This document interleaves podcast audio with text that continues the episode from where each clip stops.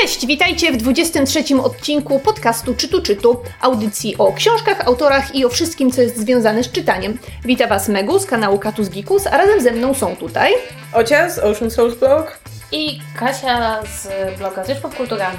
Ja lubię taką pauzę, jak się przedstawiam, bo ja nigdy nie wiem skąd jestem. Okej, okay, uczujemy. Ale dobrze, że wiesz, gdzie jesteś. To przynajmniej coś wiesz. Teraz wiem, że jestem w podcaście czy to, czy to. Jeśli dobrze trafiłam, to nie jest zombie vs. Nie, nie, nie, proszę Pani, to nie ten pokój. Drzwi na lewo, drzwi na lewo. Kasia ma kryzys tożsamości, a my tymczasem przejdziemy do naszego stałego fragmentu podcastu, to znaczy opowiemy, co czytałyśmy ostatnio, albo co wciąż czytamy, bo jeszcze nie skończyłyśmy, czyli witajcie w naszym segmencie torebkowym i zacznie Ocia, bo taki mam kaprys.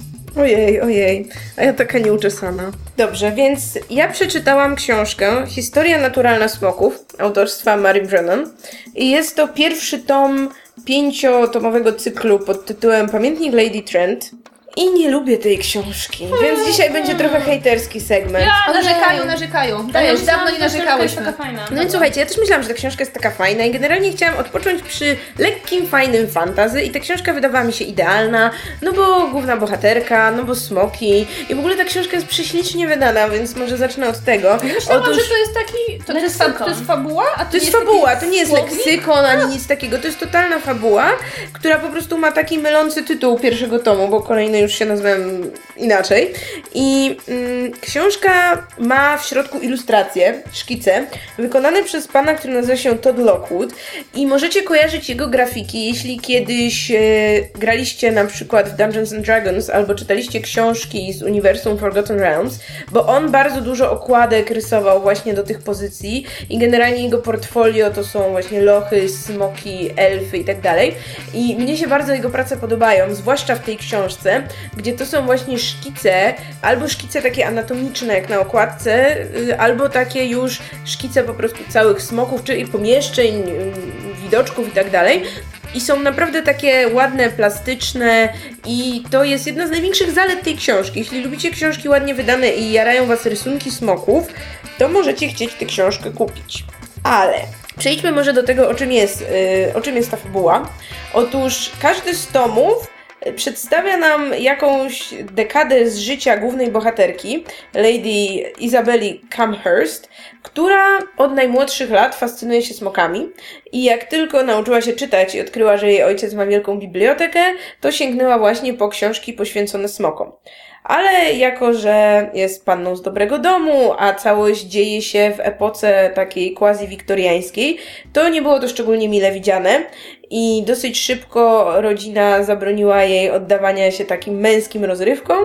Izabela musiała poświęcić się raczej temu, co przystoi dobrze wychowanym pannom i yy, dosyć szybko znaleźć męża. I tutaj Pierwsze w sumie takie pozytywne zaskoczenie, to znaczy z, okazało się, że ze znalezieniem tego męża nie ma żadnych problemów i Izabela dosyć szybko znalazła miłego dżentelmena, który też jest zafascynowany smokami i mogli porzucić statyczne małżeńskie życie i razem wyruszyć na wyprawę. O, I, to niespodzianka. Tak, i właśnie losy. Paskudny mąż. Tak, losy tej pierwszej wyprawy to jest właśnie fabuła pierwszego tomu powieści. I pozostając jeszcze może przy tym jej małżeństwie, to jest bardzo ciekawa relacja, bo to nie jest wielka romantyczna miłość, gdzie pod kimś uginają się kolana, a serce bije szybciej. To jest raczej taka przyjaźń połączona z fascynacją właśnie tymi wspólnymi zainteresowaniami, wspólnym tematem. Nasza para bohaterów rozmawia ze sobą przede wszystkim o smokach, właśnie o, o wyprawie. Widać, że oboje nie czują się za dobrze w tym takim arystokratycznym środowisku, w tej socjecie, nie lubią chadzać na jakieś bale i tak dalej. I bardzo dobrze dogadują się w tych trudnych warunkach, na szlaku i widać, że jakby darzą się uczuciem, darzą się szacunkiem i jest między nimi dużo takiego ciepła, ale nie są to właśnie jakieś gorące porywy serc i lędźwi. To jest dosyć ciekawe i to jest wydaje mi się dosyć mocno inne, że mimo jakby takiej obranej stylistyki, to, to właśnie nie ma tu jakiegoś porywającego romansu. No właśnie, ale nie ma też niestety porywającej strony naukowej, na co przyznam szczerze, liczyłam, ponieważ te smoki są dosyć mocno zepchnięte na drugi plan. To znaczy, tak, jest wyprawa i ta wyprawa się strasznie ciągnie. To znaczy, środek tej książki to jest niestety taka trochę droga przez mękę, gdzie oni gdzieś tam idą i oglądają jakieś ruiny, albo oglądają jakieś krzaki, albo coś się dzieje, ale nie ma w tym jakiejś takiej ani porywającej akcji, ani właśnie tych, tych smoków, które mogłyby nas fascynować. Te smoki dużo są w tle, jakby mówią o tych smokach, niekoniecznie te smoki widzą. Jest sporo postaci drugoplanowych, które po prostu plączą się bezcelowo po tej książce, bo też no, ktoś musiał jechać na te wyprawy, ktoś tam musiał ją sfinansować, ale na te postacie nie ma żadnego pomysłu. I jakby je tak naprawdę z tej książki wykreślić, to, to no, niewiele by się zmieniło i treść by na tym nie straciła. Tak naprawdę wszystkie ważne rzeczy, ważne wydarzenia, ważne decyzje, czy jakieś, nie wiem, dedukcje, które w tej książce zachodzą, wszystko to dzieje się za sprawą naszej głównej bohaterki, przez co cała reszta postaci no, nie ma co robić robić. Oni po prostu są, towarzyszą, czasem tam wypowiedzą swoje zdanie, a, ale to tyle. Mm, trochę mi też przeszkadzało to, że ta książka dzieje się w takim fantazylandzie, gdzie wszystkie nazwy są wymyślone na nowo. Jakby widać, że to jest wiktoriańska Anglia. I kraje, do których jadą, to są jakieś tam kraje Europy, można sobie tam pewne analogie wysnuć, zwłaszcza do na przykład y, tych krajów Europy Wschodniej, ale wszystko ma jakieś tam swoje wymyślone nazwy i to jest wszystko totalnie po nic. To znaczy, nie wiem, nie, nie są ważne stosunki panujące między tymi krajami, y, nie jest ważne to, w jakim dokładnie rejonie oni przebywają. Tam, nie wiem, podawane są nam jakieś tytuły, jakichś ludzi, jakichś dostojników, że o, tu jest jakiś bojar i tu ten bojar ma jakichś swoich ludzi, ale to wszystko nie jest ważne. Jakby ten świat nie żyje, jakby zupełnie nie czułam, żeby coś ciekawego się tam kryło. No nie wiem, bohaterowie mówią różnymi językami i czasem faktycznie ktoś z kimś nie jest się w stanie porozumieć, bo ktoś za słabo zna jakiś język, no ale to tyle. W tej książce nie ma żadnego takiego motywu, wątku, który mogłabym wskazać jako o, to jest na przykład książka o nauce, to jest książka, nie wiem, o trudach pracy naukowca, albo to jest książka o tym, że trudno jest być kobietą w XIX wieku, która chce zajmować się nauką, albo, albo, albo. No nie, w tej książce po prostu dzieją się rzeczy, od czasu do czasu przeleci smok. Ja jestem rozczarowana, no bo tak, chciałam lekkiej fantastyki, ale chciałam fantastyki, w której jest cokolwiek oprócz tych wydarzeń, które, które się gdzieś tam dzieją. Narracja jest okej, okay, to znaczy nie porywa. To jest pisane jak taki diariusz spisywany po latach, więc nasza bohaterka już jest starszą osobą, wie co się wydarzyło, więc czasem komentuje te wydarzenia do czytelnika, yy, na przykład jest w stanie wskazać, nie wiem, gdzie popełnił jakiś błąd, gdzie zachowała się nierozważnie. No i to jest takie poprawne, ale bez polotu. I na pewno początek i koniec książki to są jej najlepsze elementy, a cały środek jest moim zdaniem do wymiany, tak więc no ja nie ukrywam, że liczyłam, że wciągnę się w ten cykl i że z uwagi na to, jak on jest pięknie wydany, jakie ma śliczne ilustracje, uzbieram sobie te pięć tomów z tymi ślicznymi smokami. No ale, ale, ale nie, ale ząg, ząg totalny, no drugiego tomu nie kupię. Był już na mojej liście do kupienia i musiałam wykreślić tę książkę z tej listy. A że ja nie lubię kreślić po swoich listach, to to jest kolejna rzecz, którą mam bardzo za złe temu tomowi. Tak więc no nie polecam, nie polecam. To musiało być trudne. Ocia, jak następnym razem będziesz musiała coś wykreślić z jakiejś listy, to my będziemy przy tobie. Pamiętaj. My... Będziemy się trzymać za rękę, w której będziesz trzymać, zakreślać. Czy czytałaś y, którąkolwiek z y, książek Naomi Nowik z serii Temerer? Jeszcze nie, ale mam już wszystkie tomy, więc mam nadzieję, że ta seria jest dobra, bo tu już nie mogę niczego znikąd wykreślić. Jezus, a ty się tak zabierasz o trochę dupie strony za tego. Najpierw kupujesz całą serię, potem zaczynasz czytać? Wiesz co, bo ja nie lubię czekać. Tak, częściowo na pewno właśnie pewnie była w jakiejś promocji, plus no ja mam tak, że ja nie lubię czytać serii, które dalej się piszą. Jakby z tą serią jest tak, że ona już jest cała napisana, więc jakby mnie totalnie wciągnęło, to na przykład zaczęłabym czytać po angielsku i tak dalej, więc jakby dlatego nie miałam problemu, ale generalnie ja nie lubię czytać cykli, które nie są zakończone, bo ja mam pamięć złotej rybki i jak po trzech latach wychodzi kolejny tom, to ja już nie pamiętam, co było w poprzednim. Dlatego pewnie, nie wiem, przez najbliższe 20 lat nie przeczytam Gry o Tron, no bo jakby tam, tam nie ma końca, nie? Próbowałabyś czytać koło czasu. Mój brat czytał koło czasu na zasadzie takiej, że jak wychodził kolejny tom, to czytał wszystkie poprzednie. No wow. właśnie, ja już nie mam na to czasu, wtedy dlatego tego nie robię. Potterze i to jeszcze był ten okres mojego życia, kiedy mogłam sobie Tak, wtedy pozwolić. jeszcze można było. Teraz to już jest moim zdaniem nie do wykonania, więc no albo cykl ma być skończony, albo do albo widzenia. Sam. Dobrze, to ja z kolei e, mam e, książkę, za którą nie zapłaciłam ani grosza. To jest najlepszy rodzaj książek. Otóż podłam do wydawnictwa, aby porozmawiać z nimi o różnych rzeczach i wychodząc dostałam e, jakieś 5 kilo książek. I wśród nich książka, którą widziałam w księgarni i zastanawiałam się nawet, czy ją kupić, ale jej nie kupiłam. I książka ma tytuł Tak mam okres, a co? Napisała ją blogerka e, z Szwecji imieniem Clara Henry.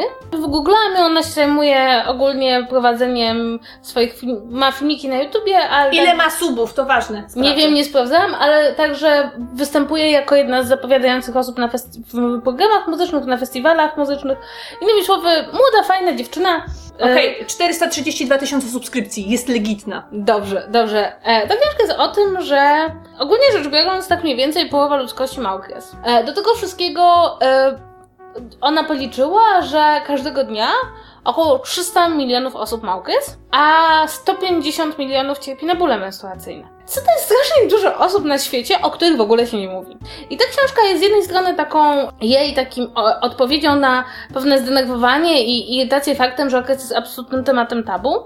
E, Sama opisuje to, jak będąc małą dziewczynką w 2004 roku, co jest bardzo bolesne, w szkole znalazła się na lekcjach wychowania seksualnego, gdzie jakby dostała jakiś taki wyjątkowo krótki i mało dokładny i mało uspokajający okres, znaczy nie okres, tylko opis tego, czym jest okres.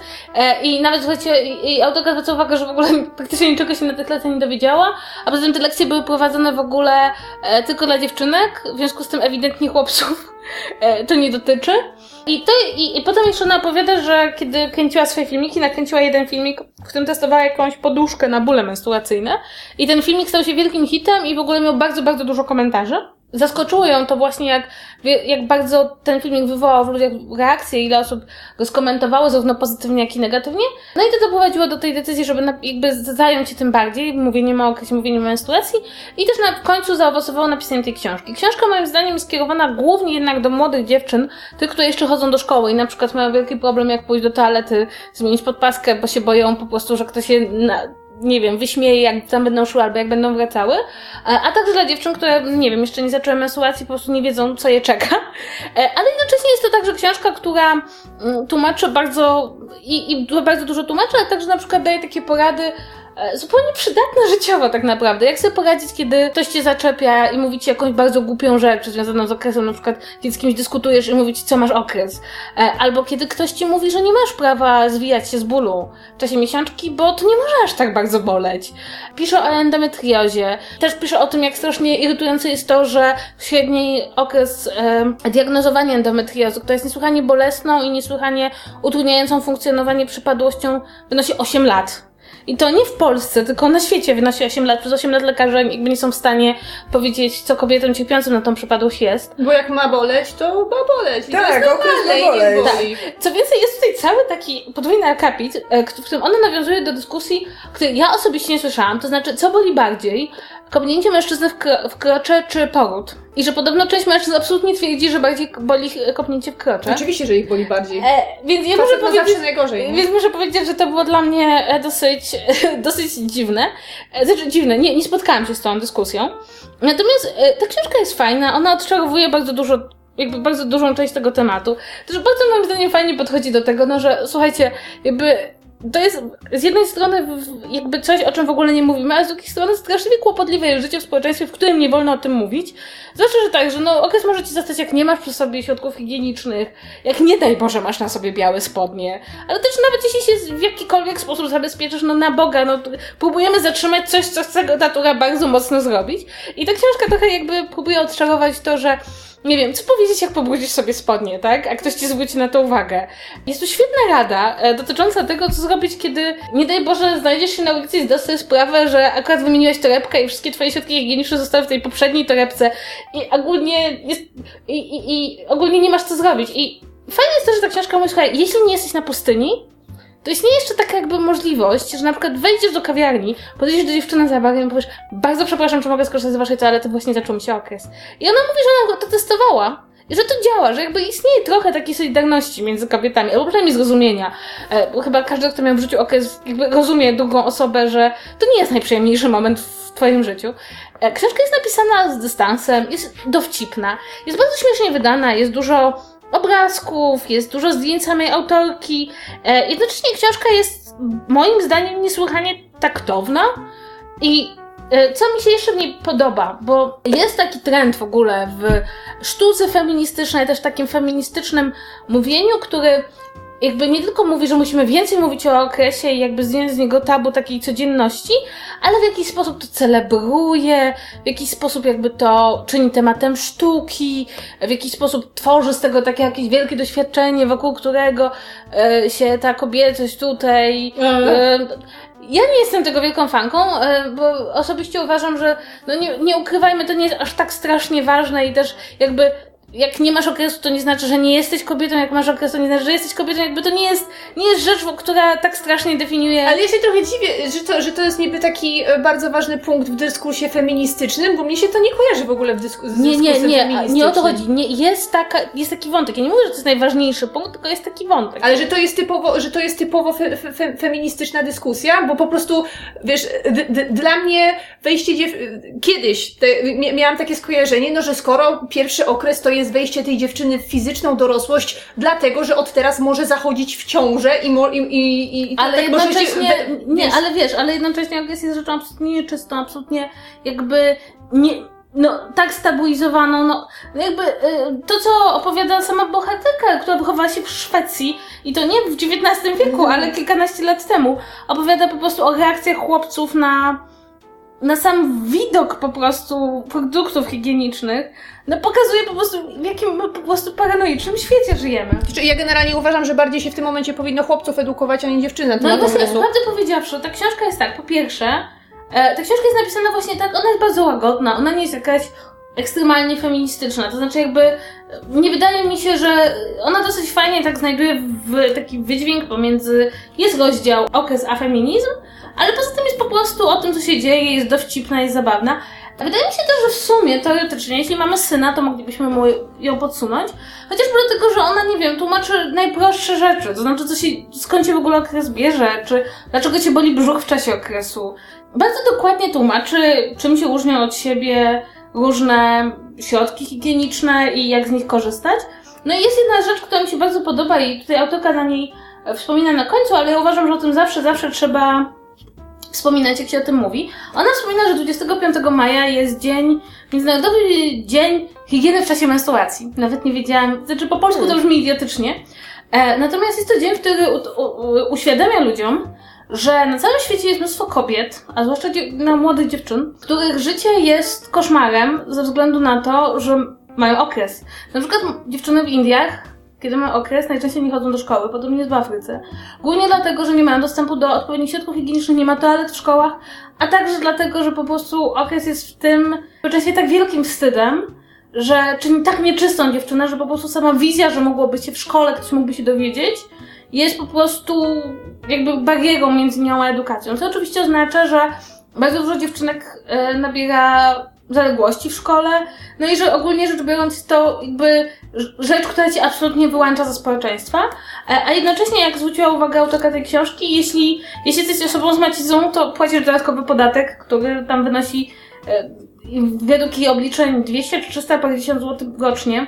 Ale chodzi o podatek narzucony na te przybory higieniczne? Nie, po prostu te przybory higieniczne tyle kosztują. Aha. Że to nie wiem, czy pamiętacie, było jakieś kilka lat temu taka dyskusja bardzo mocna w Anglii, ponieważ okazało się, że chyba tampony zostały wpisane na listę produktów luksusowych i dostały wyższe opodatkowanie. Wow. E, no i e, ona tak w sumie istnieje taką refleksję, że zasadniczo rzecz biorąc, dlaczego tak jest? Dlaczego nie możesz pójść do swojego najbliższego, nie wiem, centrum medycznego i poprosić o zapas podpasek i tamponów, jeśli ci nie stać na kupowanie, powiedzmy, tych rynkowych. I rzeczywiście są na przykład w Stanach Zjednoczonych są całe programy, które dostarczają podpaski i tampony kobietom, które są bezdomne, no bo bardzo jest trudno tak naprawdę wybić się z, z pewnego stanu, w jakim jesteś i ci nie stać na, na najprostsze środki higieniczne. I też chciałabym na to uczulić w kontekście polskim, że bardzo często są takie wezwania, że będą potrzebne środki higieniczne, powiedzmy, nie wiem, dla powodzian, dajmy na to. No i wtedy wszyscy kupują takie rzeczy jak e, szampony do włosów czy mydła. Bardzo warto pamiętać, że w takich, w takich jakby wezwaniach o środki higieniczne warto pamiętać o, o, o, o, o nie wiem, o podpaskach, o tamponach, bo to jest bardzo drogie paradoksalnie i też się przydaje i bardzo często te organizacje, które pomagają uboższym ludziom mówią, że tego im bardzo brakuje. Że to nie jest coś, co kupisz dla drugiej osoby, prawda? Między innymi ze względu na to tabu, a przecież osoby, które nie wiem, są uboższe, straciły majątek, nie mają pieniędzy, też tego potrzebują, więc e, pamiętam, że jakieś brałam udział w takiej zbiórce, która na przykład zbierała produkty higieniczne dla kobiet osadzonych w więzieniach, bo z tego co ja wiem, tam też jest ten problem. Więc warto, warto jakby pamiętać o tym, że taka rzecz, która być może dla niektórych wydaje się banalna i długoplanowa, tak naprawdę jeśli nie można, jeśli nie można, jeśli społeczeństwo o tym nie mówią, jeśli jest tak wielkie tabu, jeśli czynicie to nieczystą, to może stanąć naprawdę na przeszkodzie bardzo wielu rzeczy, które się osiąga w życiu. Więc bardzo Wam polecam kupić tą książkę, jeśli macie na przykład jakąś kuzynkę, siostrę, nie wiem, własne dziecię, które, które wchodzi w ten, w ten okres. Możecie ją też kupić chłopcom, chociaż wydaje mi się, że jeśli, e, jeśli macie, jeśli jesteście osobami, które kupiłyby książkę o okresie dla synów, to prawdopodobnie już z nim przeprowadziliście jakąś rozmowę, a ta książka może jest nawet zbyt dokładna dla, dla osoby, która nigdy nie będzie miała okresu, ale chociaż, czy ja wiem, w sumie e, ja musiałam się czytać tyle o męskich przeżyciach, że choć że choć jedna książka o tym, o, o przeżyciach posiadaczy macic nikomu nie, nie zaszkodzi. A więc e, czekajcie, bo ja myślę teraz nad jakimś błyskotliwym, zgrabnym sequelem, bo była książka o krwi, a ja mam książkę o mordowaniu i zombie i tam też jest krew. Czy to, czy to pasuje? Czy, nawet nie mam książki? E, przeczytałam komiks. To jest coś, co mi się już od dłuższego czasu nie zdarzyło. To jest komiks, który przeleżał u mnie parę miesięcy, ponieważ znalazłam go pod choinką i jakoś nie było czasu ani ochoty, żeby się za niego wcześniej zabrać. Wydało go u nas wydawnictwo Nonstop Comics. Oryginalnie historia ukazywała się pod egidą Image i jest to tytuł Odrodzenie autorstwa Tima Sileya i Mike'a Nortona, którzy, jak sugeruje okładka, prezentują prowincjonalny noir pod tytułem Odrodzenie. Tom pierwszy Jesteś wśród przyjaciół. Zupełnie nie miałam pojęcia, czego się po tym komiksie spodziewać. Tymczasem jest to historia, która bardzo dobrze wpisuje się w ostatnio bardzo modny nurt takich opowieści lekko postapokaliptycznych, łączących tematy zombistyczne. Jest to mianowicie historia miasteczka położonego gdzieś w Wisconsin, gdzie ciągle pada śnieg, jest szaro, buro, brudno i generalnie smutno. I w pewnym momencie w tym miasteczku nie jest tam zasugerowane, że na całym świecie. Wydaje mi się więc, że zjawisko jest to ograniczone tylko do tego jednego miasteczka. Zaczynają wracać ludzie, którzy kiedyś umarli. Budzą się, budzą się zmarli, po prostu w pewnym momencie się z powrotem pojawiają trupy, wstają z grobów. I jest to zjawisko trochę ograniczone pod względem liczebności, bo nie jest wiele takich przypadków. Ono się właściwie rozgrywa poza kadrem, po pierwszej stronie, która jest prologiem, i zostajemy wrzuceni w historię, w której po prostu ci odrodzeni, bo tak się na nich mówi, zostali przywróceni społeczeństwu i jakoś to społeczeństwo małego miasteczka próbuje sobie z tym, z tym faktem poradzić. Główną bohaterką jest policjantka. Ona tak mi przypomina tą taką główną bohaterkę Fargo, bo tak jakoś znajdują się na podobnej pozycji w tej historii. Policjantka, która jest córką miejscowego komisarza policji, jednocześnie bardzo nie może sobie poradzić w relacji z ojcem, ponieważ on ciągle jej wyrzuca, że ta y, pozwoliła sobie zajść w ciążę, kiedy była jeszcze w szkole, więc ona wstępując do policji próbuje mu się tak jakby y, próbuje udowodnić mu swoją wartość. No i ona zostaje przydzielona do takiego specjalnego oddziału, który ma właśnie rozwiązywać różne sprawy związane z tymi odrodzonymi. Jednocześnie poznajemy tam też innych bohaterów tego miasteczka, na przykład dziennikarkę, która jako pierwsza opisała te wszystkie zdarzenia. Poznajemy e, pracowników policji, poznajemy nowego pracownika, który do tej policji dopiero przychodzi i ma się zajmować takimi sprawami związanymi z epidemiologią. Bo chodzi o to, że ci odrodzeni zaczęli się pojawiać dopiero niedawno i to jest całkiem świeża sprawa i oni wszyscy nie wiedzą, jak sobie z tymi poradzić. jak sobie z tym poradzić. Rząd nie wie, jak sobie z tym poradzić, mieszkańcy, ani policja. I na razie ci wszyscy ludzie, którzy powrócili do życia, po prostu tam sobie gdzieś egzystują na, na obrzeżach tego społeczeństwa, ich rodziny się nimi zajmują i niby nie ma z nimi żadnych problemów, bo niby są tacy sami jak wcześniej, ale jednak są też, niektórzy są trochę spokojniejsi, niektórzy się nie zmienili w ogóle, a niektórzy czasami dostają jakichś dziwnych ataków szału i po prostu w pewnym momencie dochodzi do kilku tragicznych wydarzeń związanych z tymi odrodzonymi, ponieważ ktoś tam nie może nad sobą zapanować i na przykład kogoś zabija. Także cały, cała, cała ta seria ma nam pokazać, jak to miasteczko radzi sobie z tymi wszystkimi wydarzeniami. Jest tam też jakiś jeden konkretny duch, który nie ma ciała, który łazi tam po okolicznych lasach i za zaczepia miejscowych, widocznie mając jakąś tajemnicę z przeszłości, którą próbuje rozwiązać.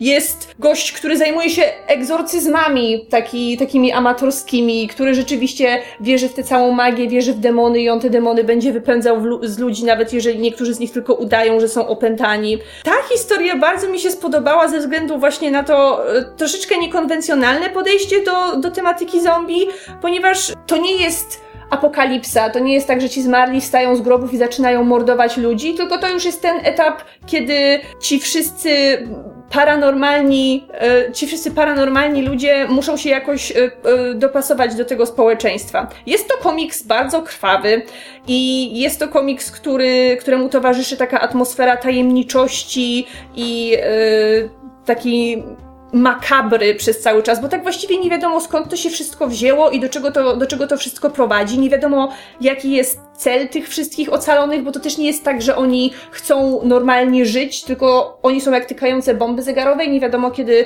e, kiedy wszyscy wybuchną. Tam się pojawiają jakieś duchy, tam się pojawia jakieś wywoływanie duchów, pojawiają się jakieś sceny z, z ciałami wyskakującymi z krematoriów, a jednocześnie jest to, jest też taki wątek na przykład siostry głównej bohaterki, która w pewnym momencie okazuje się, że została wcześniej zamordowana i ona została, sama powstała do życia i nikt nie wiedział o tym, że ktoś ją zamordował, bo to się na przykład wydarzyło dwa dni temu, a y, jej od razu rany się zasklepiły i była gotowa do y, dalszego funkcjonowania. Także do, dochodzi nam do tego jeszcze y, wątek kryminalny, ponieważ jej siostra oczywiście będę, będzie tego zabójcy ścigać. Także y, ja chyba y, bardzo szybko zaopatrzę się w drugi tom, bo strasznie, strasznie mi się podoba ten klimat i strasznie podoba mi się pomysł na całą historię.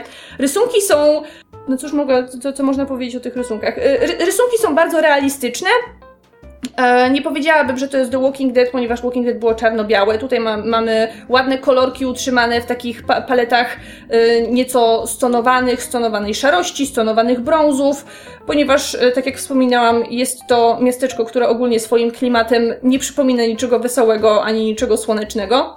Także ja y, komiks zdecydowanie polecam, jeżeli ktoś y, lubi taką atmosferę i y, takie dziwne, paranormalne klimaty. Mnie się to strasznie spodobało, bo ja lubię czytać rzeczy, w których jeszcze nie wiem o co chodzi, ale już mnie wciąga. Dlatego komiks y, Odrodzenie, którego drugi tom już chyba się niedawno ukazał. Tak, już jest na rynku. No właśnie, ja y, bardzo polecam. Bardzo fajne, podobało mi się. Ja miałam takie poczucie, jeśli chodzi o atmosferę, że jest podobne do serialu Pozostawieni.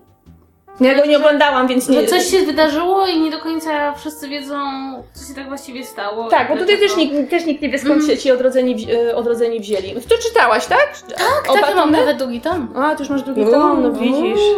Dobrze, słuchajcie, i to były nasze, e, nasze zawartości naszych torebek, które w tym tygodniu nas zachwycały, rozczarowywały i pozostawiały w oczekiwaniu na suspens.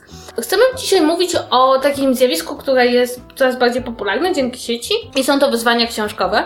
Wiem, że bardzo dużo osób bierze udział w takich wyzwaniach, ale też budzą one pewne kontrowersje. I co zrobiłyśmy? Przede wszystkim kazałyśmy Oci się przygotować, żebyśmy mogły tylko dyskutować na temat, a Ocia zrobiła research. Taciu. Mój, mój research odbywał się na kilku frontach, ale pierwszą rzeczą, jaką zrobiłam, to żeby sprawdzić, jakie w ogóle są teraz wyzwania czytelnicze na topie. Bo są one, jedne mamy niezmienne od wielu lat, a niektóre mamy dosyć nowe i niektóre mamy moim zdaniem coraz bardziej kuriozalne. No więc wydaje mi się, że Najpopularniejszym tak w skali świata wyzwaniem, jakiego można się podjąć, to jest Reading Challenge na Goodreads, który jest o tyle specyficzny, że polega na tym, że gdy rozpoczyna się każdy nowy rok, to portal pyta cię, jaką liczbę książek chcesz zadeklarować jako swój cel na dany rok. Ty to robisz, wpisujesz tam dowolną liczbę i tak długo jak rok trwa, możesz tę liczbę zmienić, co ciekawe, mm. i czytasz tyle, ile, ile chciałeś czytać, przy czym portal cały czas ci mówi, czy jesteś on track, czyli czy wszystko idzie zgodnie z tym planem, tam dzieląc rok na tygodnie, sprawdza, czy uda ci się w tym tempie zrealizować swoje wyzwanie do końca roku, czy też może jesteś e, do przodu lub do tyłu ze swoimi celami. I wydaje mi się, że to jest takie mm, najmniej tak naprawdę wymagające wyzwanie, to znaczy, no można wpisać tam cokolwiek i można to cokolwiek na dodatek w dowolnym momencie zmienić, więc tak naprawdę hej, zero presji. To jest coś dla mnie w takim razie. Ja nie cierpię presji. Yy, tak. A... Ja myślę, że to jest dobre na przykład, jeśli jest się osobą, która czyta powiedzmy ileś książek i chce przeczytać te pięć czy sześć więcej, jakby mm -hmm. ma takie poczucie, że chciałby popracować nad ilością książek, które czytam. Nie tyle bardziej niż wyzwanie takie jednoznaczne, to jakby zmiana nawyku, mam wrażenie, że tutaj się odbywa. Najpopularniejszym wyzwaniem na naszym poletku są 52 książki, czyli mówiąc w skrócie jedna książka tygodniowo. W wersji dla masochistów 104 książki, czyli dwie tygodniowo. Powiem Wam tak anegdotycznie, że raz dokonałam tego, znaczy raz się podjęłam i raz dokonałam tego, Co, żeby przeczytać 104? 104 książki, aczkolwiek to były piękne czasy studenckie, miałam mnóstwo czasu, więc Myślałam, że na studiach ludzie się uczą. No, no nie, no jakby uczą się i czytają książki, jakby czasami to nawet ma jakąś tam element wspólny, bo na przykład, nie wiem, czytasz na literaturę, czytasz książki, które akurat y, musisz przeczytać tam, no, ja, ja tak miałam. Miałam taki jeden, jeden rok na japońsce, kiedy czytałam tylko japońskie dramaty i japońską literaturę. I właśnie musiałam przeczytać mniej więcej wtedy około 100 pozycji. Na szczęście były krótkie. I to Mhm. był dramatyczny rok. Jak ja się potem rzuciłam na normalne książki. Ja chcę powiedzieć, że powinnyście sobie postudiować historię po pięciu latach, jak człowiekowi nareszcie nie każą czytać jakiegoś opracowywania historycznego z jakiejś epoki, która cię nie interesuje, to czujesz się taki wolny po prostu.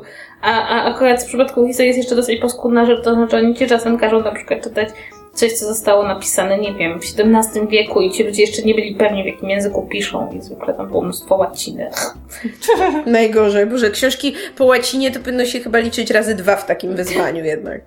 Są też takie wyzwania, też powiedziałabym takie stawiające mocno na samorozwój, czyli czytać co najmniej x minut albo x stron dziennie, gdzie też można sobie to samemu ustalić, typu, że będziesz czytać minimum 30 minut dziennie, albo przeczytasz, nie wiem, 30 stron dziennie.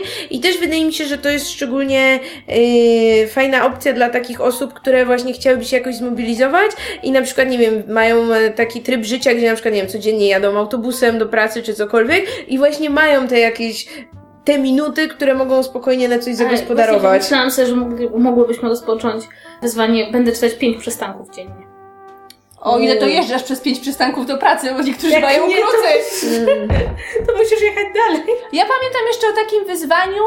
To chyba miało bardzo krótki żywot i wkrótce wszyscy o nim zapomnieli. Przeczytam tyle książek, ile mam wzrostu. O, pani kochana, nie tylko nie zapomnieli, ale jest też druga inkarnacja, a mianowicie przeczytam tyle, ile ważę. Wow. I teraz się Wiesz, jak ja zastanawiam. bym się odchudzała.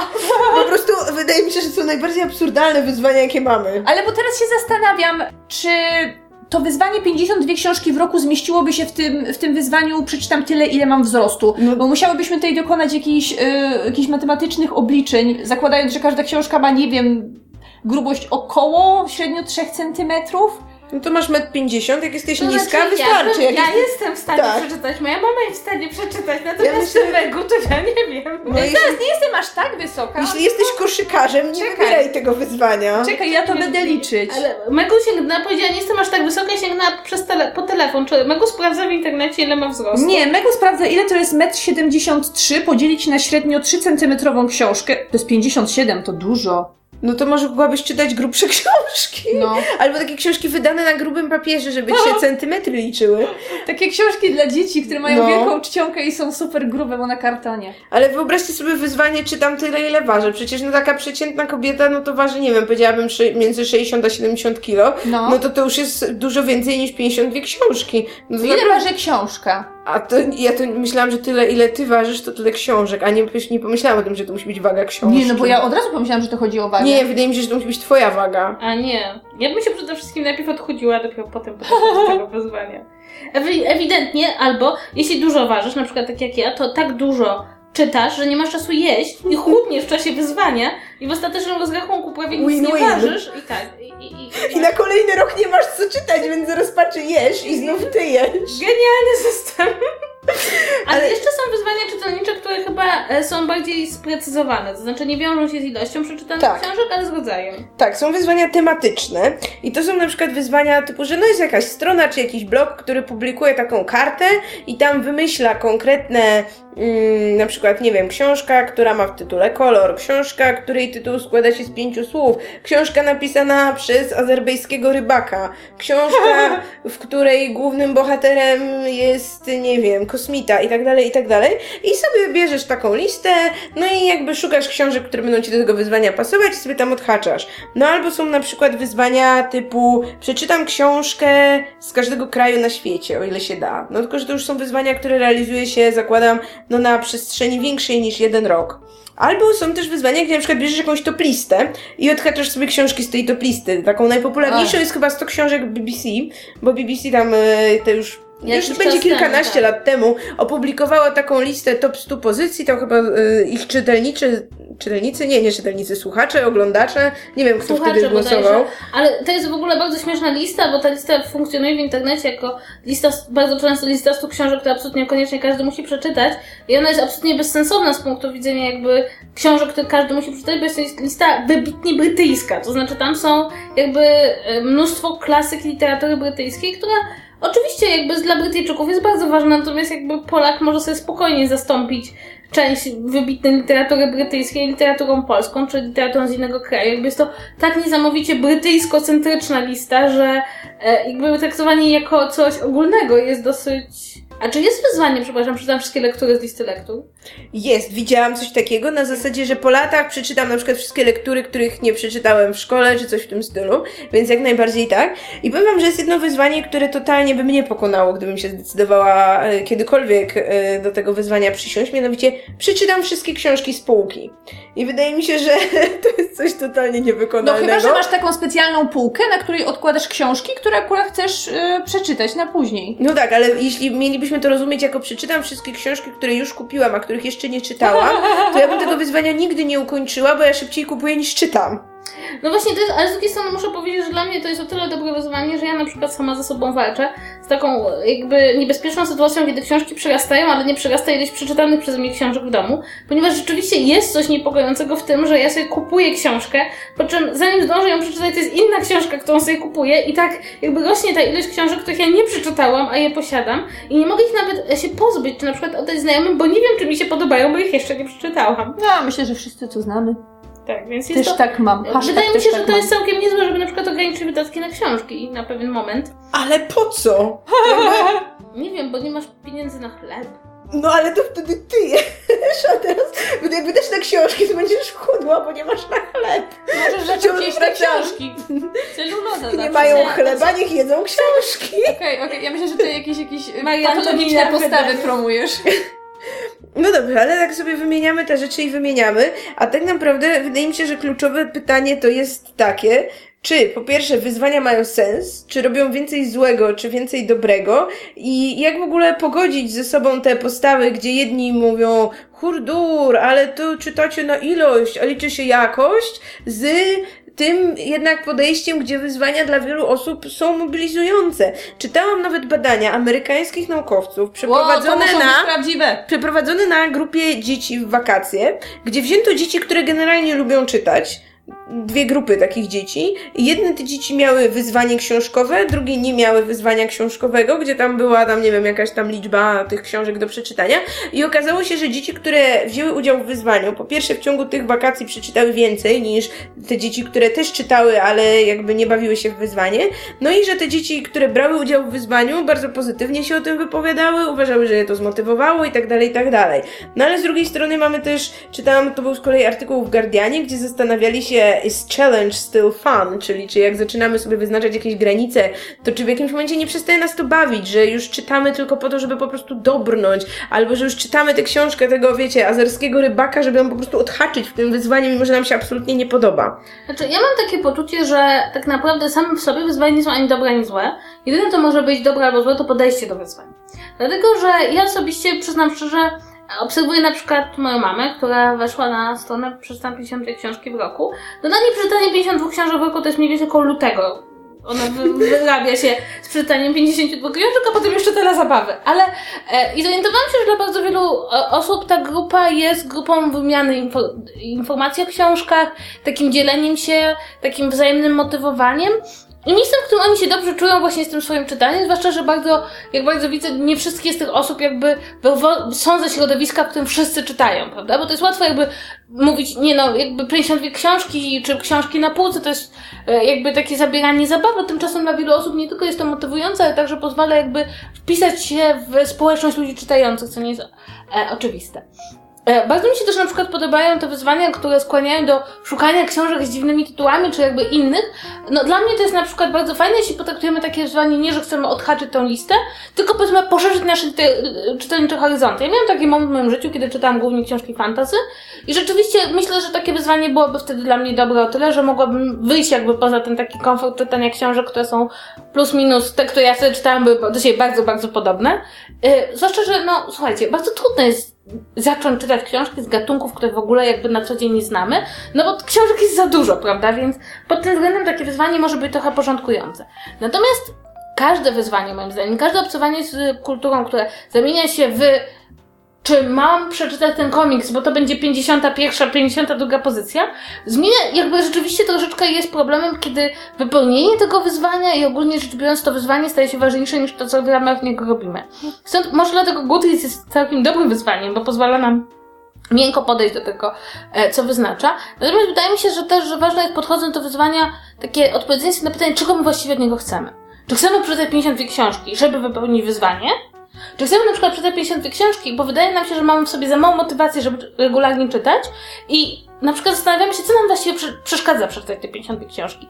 Jak nie przeczytam 52, tylko 30, to usiąść i zastanowić się samym sobie, czy na przykład przeczytaliśmy 30, bo nie mieliśmy ochoty na czytanie, spoko, może się tak zdarzyć, albo na przykład, że przeczytaliśmy tylko 30, bo powiedzmy, e, nie wiem, okazuje się, że latem, tak jak powinniśmy więcej czytać, to jak podróżujemy, to nam się źle czyta, albo na przykład, nie wiem, zmieniliśmy miejsce pracy i nie mamy tego czasu w, w dojeździe. Jakby nie traktować wyzwania jako wyłącznie musi być tyle książek, ile zapisaliśmy, albo ile ważymy, albo ile mierzymy, tylko jako by przy, przyjąć wyzwanie, żeby w jakiś sposób zbadać właściwie swój własny stan jako czytelnika i wyciągnąć z tego jakieś wnioski. To ja wam powiem, że ja, ja się absolutnie do takich wyzwań nie nadaję. Znaczy, bo ja, ja, ja lubię czytać i lubię czytać na własnych zasadach i w swoim tempie, ale jeżeli mam już chociaż odrobinę przymusu, to ja w tym momencie automatycznie się zniechęcam ale, i mi się ale już nie chce. Ale to jest przymus, dlatego że moim zdaniem to jest największy problem. Traktowanie tego jako przymus. To nie jest przymus, to jest jakby taki zadanie, jakie przed sobą stawiasz. Nie będzie z tego stopni, w związku z tym nie musisz być dla ciebie mega surowy, ale możesz jakby w jakiś sposób zadać sobie pytanie, na przykład mi się podobają bardzo takie wyzwania, które są tematyczne, bo na przykład, no są takie, ja na przykład od lat sobie mówię, że hmm, przeczytałabym w jednym roku wszystkie książki Jane Austen, tak? A, a potem sobie myślę, hmm, no, jakbym je przeczytała, to przeczytała jeszcze trochę innej takiej literatury i chętnie znalazłabym wyzwanie, które pozwoliłoby mi radośnie odhaczać e, i, i mówić mi na przykład, o, w sumie przeczytałam już trzy czwarte tych książek, to to jeszcze, jeszcze jedna i już będę w sumie jeszcze ten jeden wysiłek, że właściwie nie wysiłek, jeszcze to jedno, jedno zadanie i będę mogła już na przykład powiedzieć, że przeczytałam wszystko tej autorki, czy przeczytałam najważniejsze dzieła z tego okresu. To jest miłe takie. To, to, to, jest miłe, ale ja wciąż tak, wciąż tak nie potrafię. Po prostu ja, ja, ja ma, mnie się tak zmienia ochota na różne książki, tak jak ty też powiedziałaś, że kupisz sobie jedną książkę, ale chwilę później kupujesz drugą, bo akurat na tą drugą miałaś, e, miałaś ochotę. Także ja po prostu bym w życiu nie potrafiła ukończyć takiego zadania, bo ja, bo kiedyś, tak, kiedyś tak robiłam, rzeczywiście, że na przykład miałam taką zasadę, że skoro już książkę kupiłam, to najpierw ją muszę przeczytać, zanim się zwrócę do innej i ja tak strasznie cierpiałam i ja tak się męczyłam, bo na przykład w tym momencie nie nie miałam ochoty na ten reportaż, albo nie miałam ochoty na to Young Adult, tylko po, chciałam przeczytać coś innego. Ale w końcu stwierdziłam, że wcale mi to nie wychodzi na dobre i że skoro się źle z tym czuję, to po co sobie takie ograniczenia narzucać? Dlatego jakieś tematyczne wyzwania, albo wyzwania czytania ty, ty, ty, ty, tylu książek, ile ważysz, czytam tylu książek, ile, ile ma ty, ty, tydzień w roku, to, to, to jest dla mnie ciężkie. Tylko czasami ciężko jest mi przygotować się do odcinka, bo ja po prostu do fizycznie nie jestem w stanie przeczytać książki na następny odcinek. To ja wam powiem, że ja jestem osobą totalnie wyzwania, tak, po prostu od, od paru lat, nie ma roku, żebym sobie nie ustalała tej liczby książek, którą chcę przeczytać, żebym sobie tego nie podliczała. Jakby taką tą moją naturalną aspiracją faktycznie są 52 książki, ale no odkąd nie jestem już na studiach, to totalnie nie, jakby nie czuję presji, że to muszą być te 52 książki. I nawet jeśli to jest mój taki początkowy pułap, do którego mierzę, to ja nie lubię się stresować, więc jeśli widzę, że nie wiem, Goodreads mi pisze, że jestem 10 książek do tyłu, to ja po prostu zmieniam tę liczbę, zmieniam ją na 40 książek i jakby to robię totalnie bez wyrzutów sumienia. I przyznam wam, że też kusi mnie, żeby spróbować kiedyś takiego wyzwania tematycznego, bo za każdym razem, jak próbowałam się z tą jakąś myślą mierzyć, to coś mi stawało na przeszkodzie, że właśnie, nie wiem, była jakaś ważniejsza książka, była jakaś książka, którą, nie wiem, bardziej musiałam z jakiegoś tam powodu przeczytać na dany czas i żadnego takiego wyzwania tematycznego, no nie ukończyłam, też nigdy do żadnego poważnie nie podchodziłam, ale powiem Wam, co ja lubię w wyzwaniach, w tym takim wypełnianiem tych jakichś swoich celów. Otóż jest dla mnie coś takiego, jak jakby gamifikacja doświadczenia, to znaczy, to jest takie... Co to znaczy? To znaczy, znaczy, po angielsku to brzmi lepiej, bo po angielsku to się nazywa gamification of reading experience. I to chodzi o to, że wprowadzasz elementy gry czy wyzwania do swojego codziennego życia. I to jak najbardziej nie, nie musi tyczyć się książek, czytania czy czegoś w tym stylu. Chodzi o to, że stawiasz sobie jakiś cel, możesz z kimś rywalizować, ale nie musisz i w jakimś sensie ten proces odhaczania rzeczy na liście to jest dla ciebie zdobywanie jakiegoś osiągnięcia, to jest coś, co cię cieszy. Jakby wiem, że nie, absolutnie nie każdy tak ma. Jakby wydaje mi się, że u mnie to na pewno w jakimś sensie wynika z tego, że właśnie jestem graczem wieloletnim, gdzie mam tę potrzebę takiego, takiego pojawienia się nad moją głową, tego trofeum i tego napisu Achievement Unlocked i takim osiągnięciem właśnie może być dla mnie przeczytanie, nie wiem, 50 książek, czy przeczytanie, nie wiem, 10 książek określonego autora i tak dalej. I ja chyba nie do końca umiem wytłumaczyć, z czego ta frajda płynie, no bo yy, tak naprawdę na taką listę mogłabym sobie wpisać cokolwiek, no ale jednak jak już coś na nią wpiszę i potem to mi się gdzieś tam odhaczy, to ja czuję tę satysfakcję, czuję to spełnienie tego celu i no jakby jest mi lepiej od tego, jakby lepiej tak przed samą sobą, niezależnie od tego, czy to wyzwanie, nie wiem, z punktu widzenia innej osoby byłoby łatwe, trudne i, i tak dalej. Ja muszę powiedzieć, że ja z kolei e, w przypadku książek nie mam takiego, takiej konieczności. Natomiast dla mnie przede wszystkim, ja to już mówiłam i nadal będę mówić, wyzwania są bardzo dobrym narzędziem do diagnozowania pewnych rzeczy. Ja, e, ja wpisuję filmy, które obejrzałam. Sprawia mi to autentyczną radość, ale też zobaczyłam, że dwa lata temu, e, z powodu tego, że wprowadziłam się do mojego obecnego męża, e, nie oglądałam już tylu filmów, ile oglądam.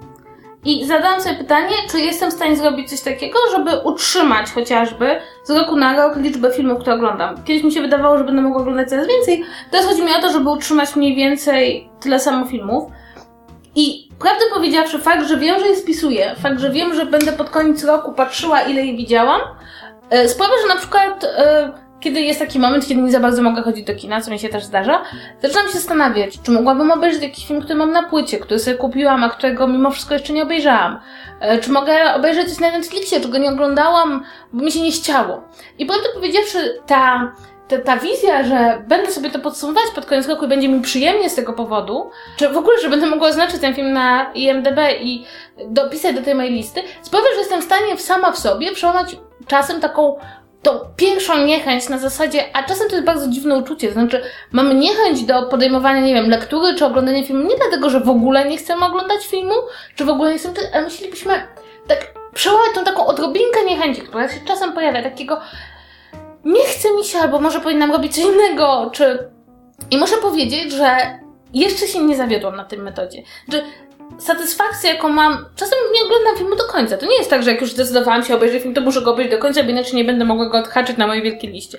Ale potem, kiedy już skończę oglądać taki film, czy podejrzewam, kończy się ta książka, to czuję taką podwójną satysfakcję. Jedno dlatego, że bardzo często książka mi się podobała, a druga dlatego, że jakby przełamał tą taką swoją odrobinę niechęci do tego, że no jednak nawet obcowanie z kulturą, mimo że kojarzy nam się głównie z rozrywką, jest w jakimś stopniu też wysiłkiem, jest czymś, na co musimy się zdecydować w danym momencie do danego dnia. Ja się na przykład zorientowałam w momencie, że zaczęłam moim zdaniem oglądać za dużo seriali względem filmów. Ja jestem z tych osób, które uważają, że należy oglądać bardzo dużo filmów i że one dają inne przeżycie niż seriale. I jakby ta lista pozwala mi to przełamać. I myślę, że dla wielu osób być może wyzwania książkowe działają w ten sposób, że to nie jest to, że oni się zmuszają do tego, żeby czytać, tylko one przełamają na taki taki z, z tych wszystkich możliwości, jakie masz do zrobienia, to nie jest tak, że nie chcesz tej książki, jest jeszcze milion innych rzeczy. I fakt, że masz to wyzwanie, mówi, okej, okay, ale jak, jak przeczytam tę książkę, to będę mieć tą podwójną frajdę. Więc ja to w ten sposób widzę. I co więcej, ja wam coś powiem szczerze, no, z naszych doświadczeń szkolnych wynika tak, że z jednej strony przymuszanie do czytania jest jedną z najpaskudniejszych rzeczy, jaką można zrobić człowiekowi. Z drugiej strony, jak ktoś nam każe czytać, to czytamy.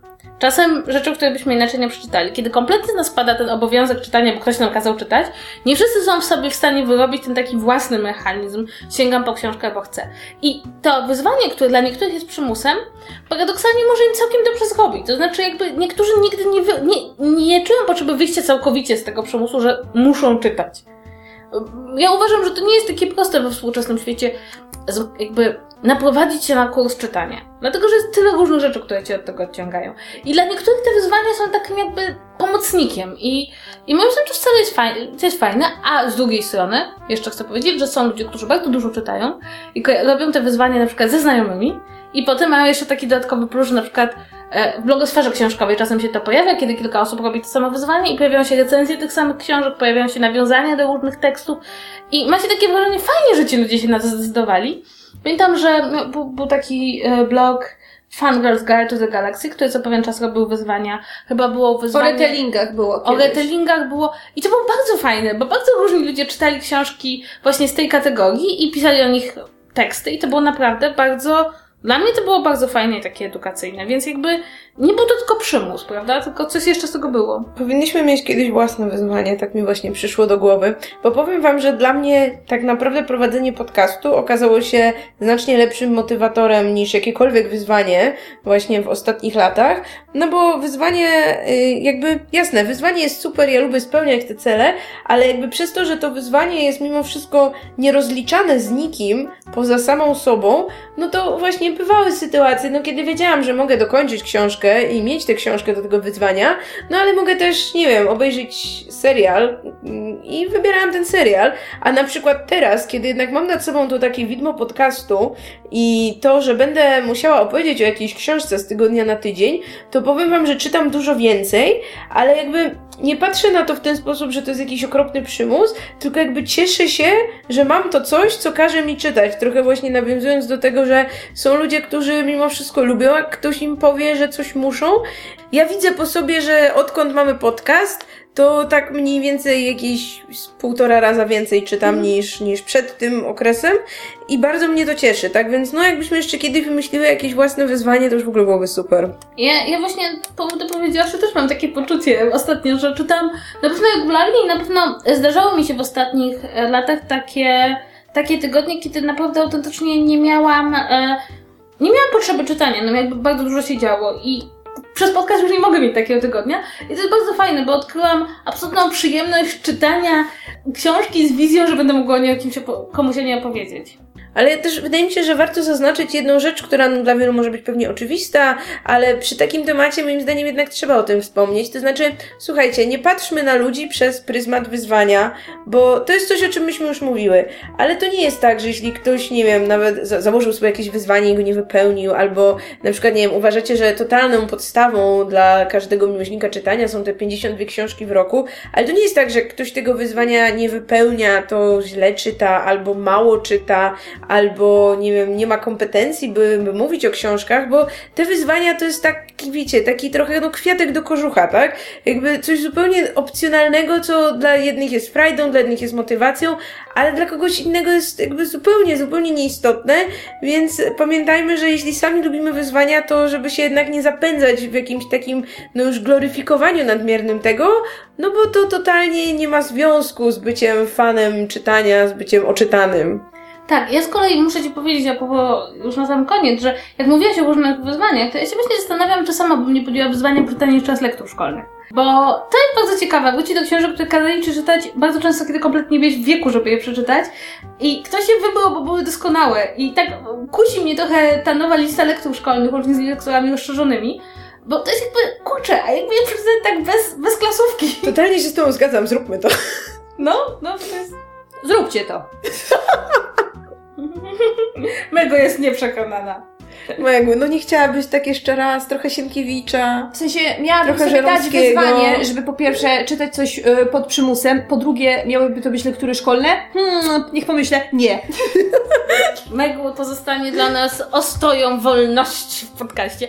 A wy Libertarianizm w czytaniu. Tak, a wy możecie nam powiedzieć, czy lubicie wyzwania, czy bierzecie udział w jakimś wyzwaniu, czy może chciały, chciałybyście i chcielibyście, żebyśmy ułożyły jakieś wyzwanie czytu czytu. Tak. Na przykład książki, których absolutnie absolutnie nie wolno wyjąć z oprawy, ponieważ Ocia będzie zła, albo książki... Każda? Koniec Albo- wyzwania.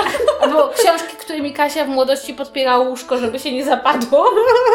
To byłyby dobre wyzwania. E, Nie, ale w każdym razie opowiedzcie nam, czy bierzecie udział w jakichś... Jakie są wasze poglądy? Czy macie jakieś dobre przeżycia z wyzwaniami, słabe? E, Czy, nie wiem, czy coś wam wyzwania dały? Czy może jak jesteście jak Megu i uważacie, że wyzwania niszczą radość czytania i prowadzą do We mnie, łzy żeby i nie było smutku? tylko we mnie. Ja mówiłam o sobie, ja nic nikomu nie narzucam. Tak. E, Zróbmy wątek tych osób, którym wyzwania czytelnicze zniszczyły życie. Zróbmy taki blog wyzwania czytelnicze zniszczyły mi życie. E, w każdym razie jesteśmy, jesteśmy bardzo ciekawi, bo to jest chyba jedna z tych rzeczy, które każdy ma trochę własne doświadczenia i patrzy przez pryzmat własnej psychiki też bardzo. A na koniec naszego odcinka Tyłówka. Ocia powie nam, co możecie dla nas zrobić. Więc przypominamy, że książki, o których wspominałyśmy w podcaście, zostaną podlinkowane w opisie tego odcinka, więc możecie je kupić klikając w link i będzie nam bardzo miło. I przypominamy, że możecie zostawiać nam komentarze na naszym profilu na Facebooku, na naszym koncie na YouTubie.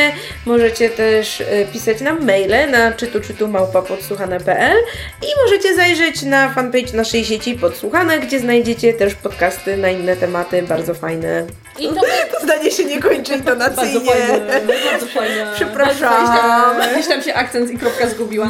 W każdym razie to byłoby tyle w dzisiejszym odcinku. Dziękujemy bardzo za uwagę i mówimy, że zobaczymy się i usłyszymy w następnym tygodniu. Pa, pa! Pa, pa.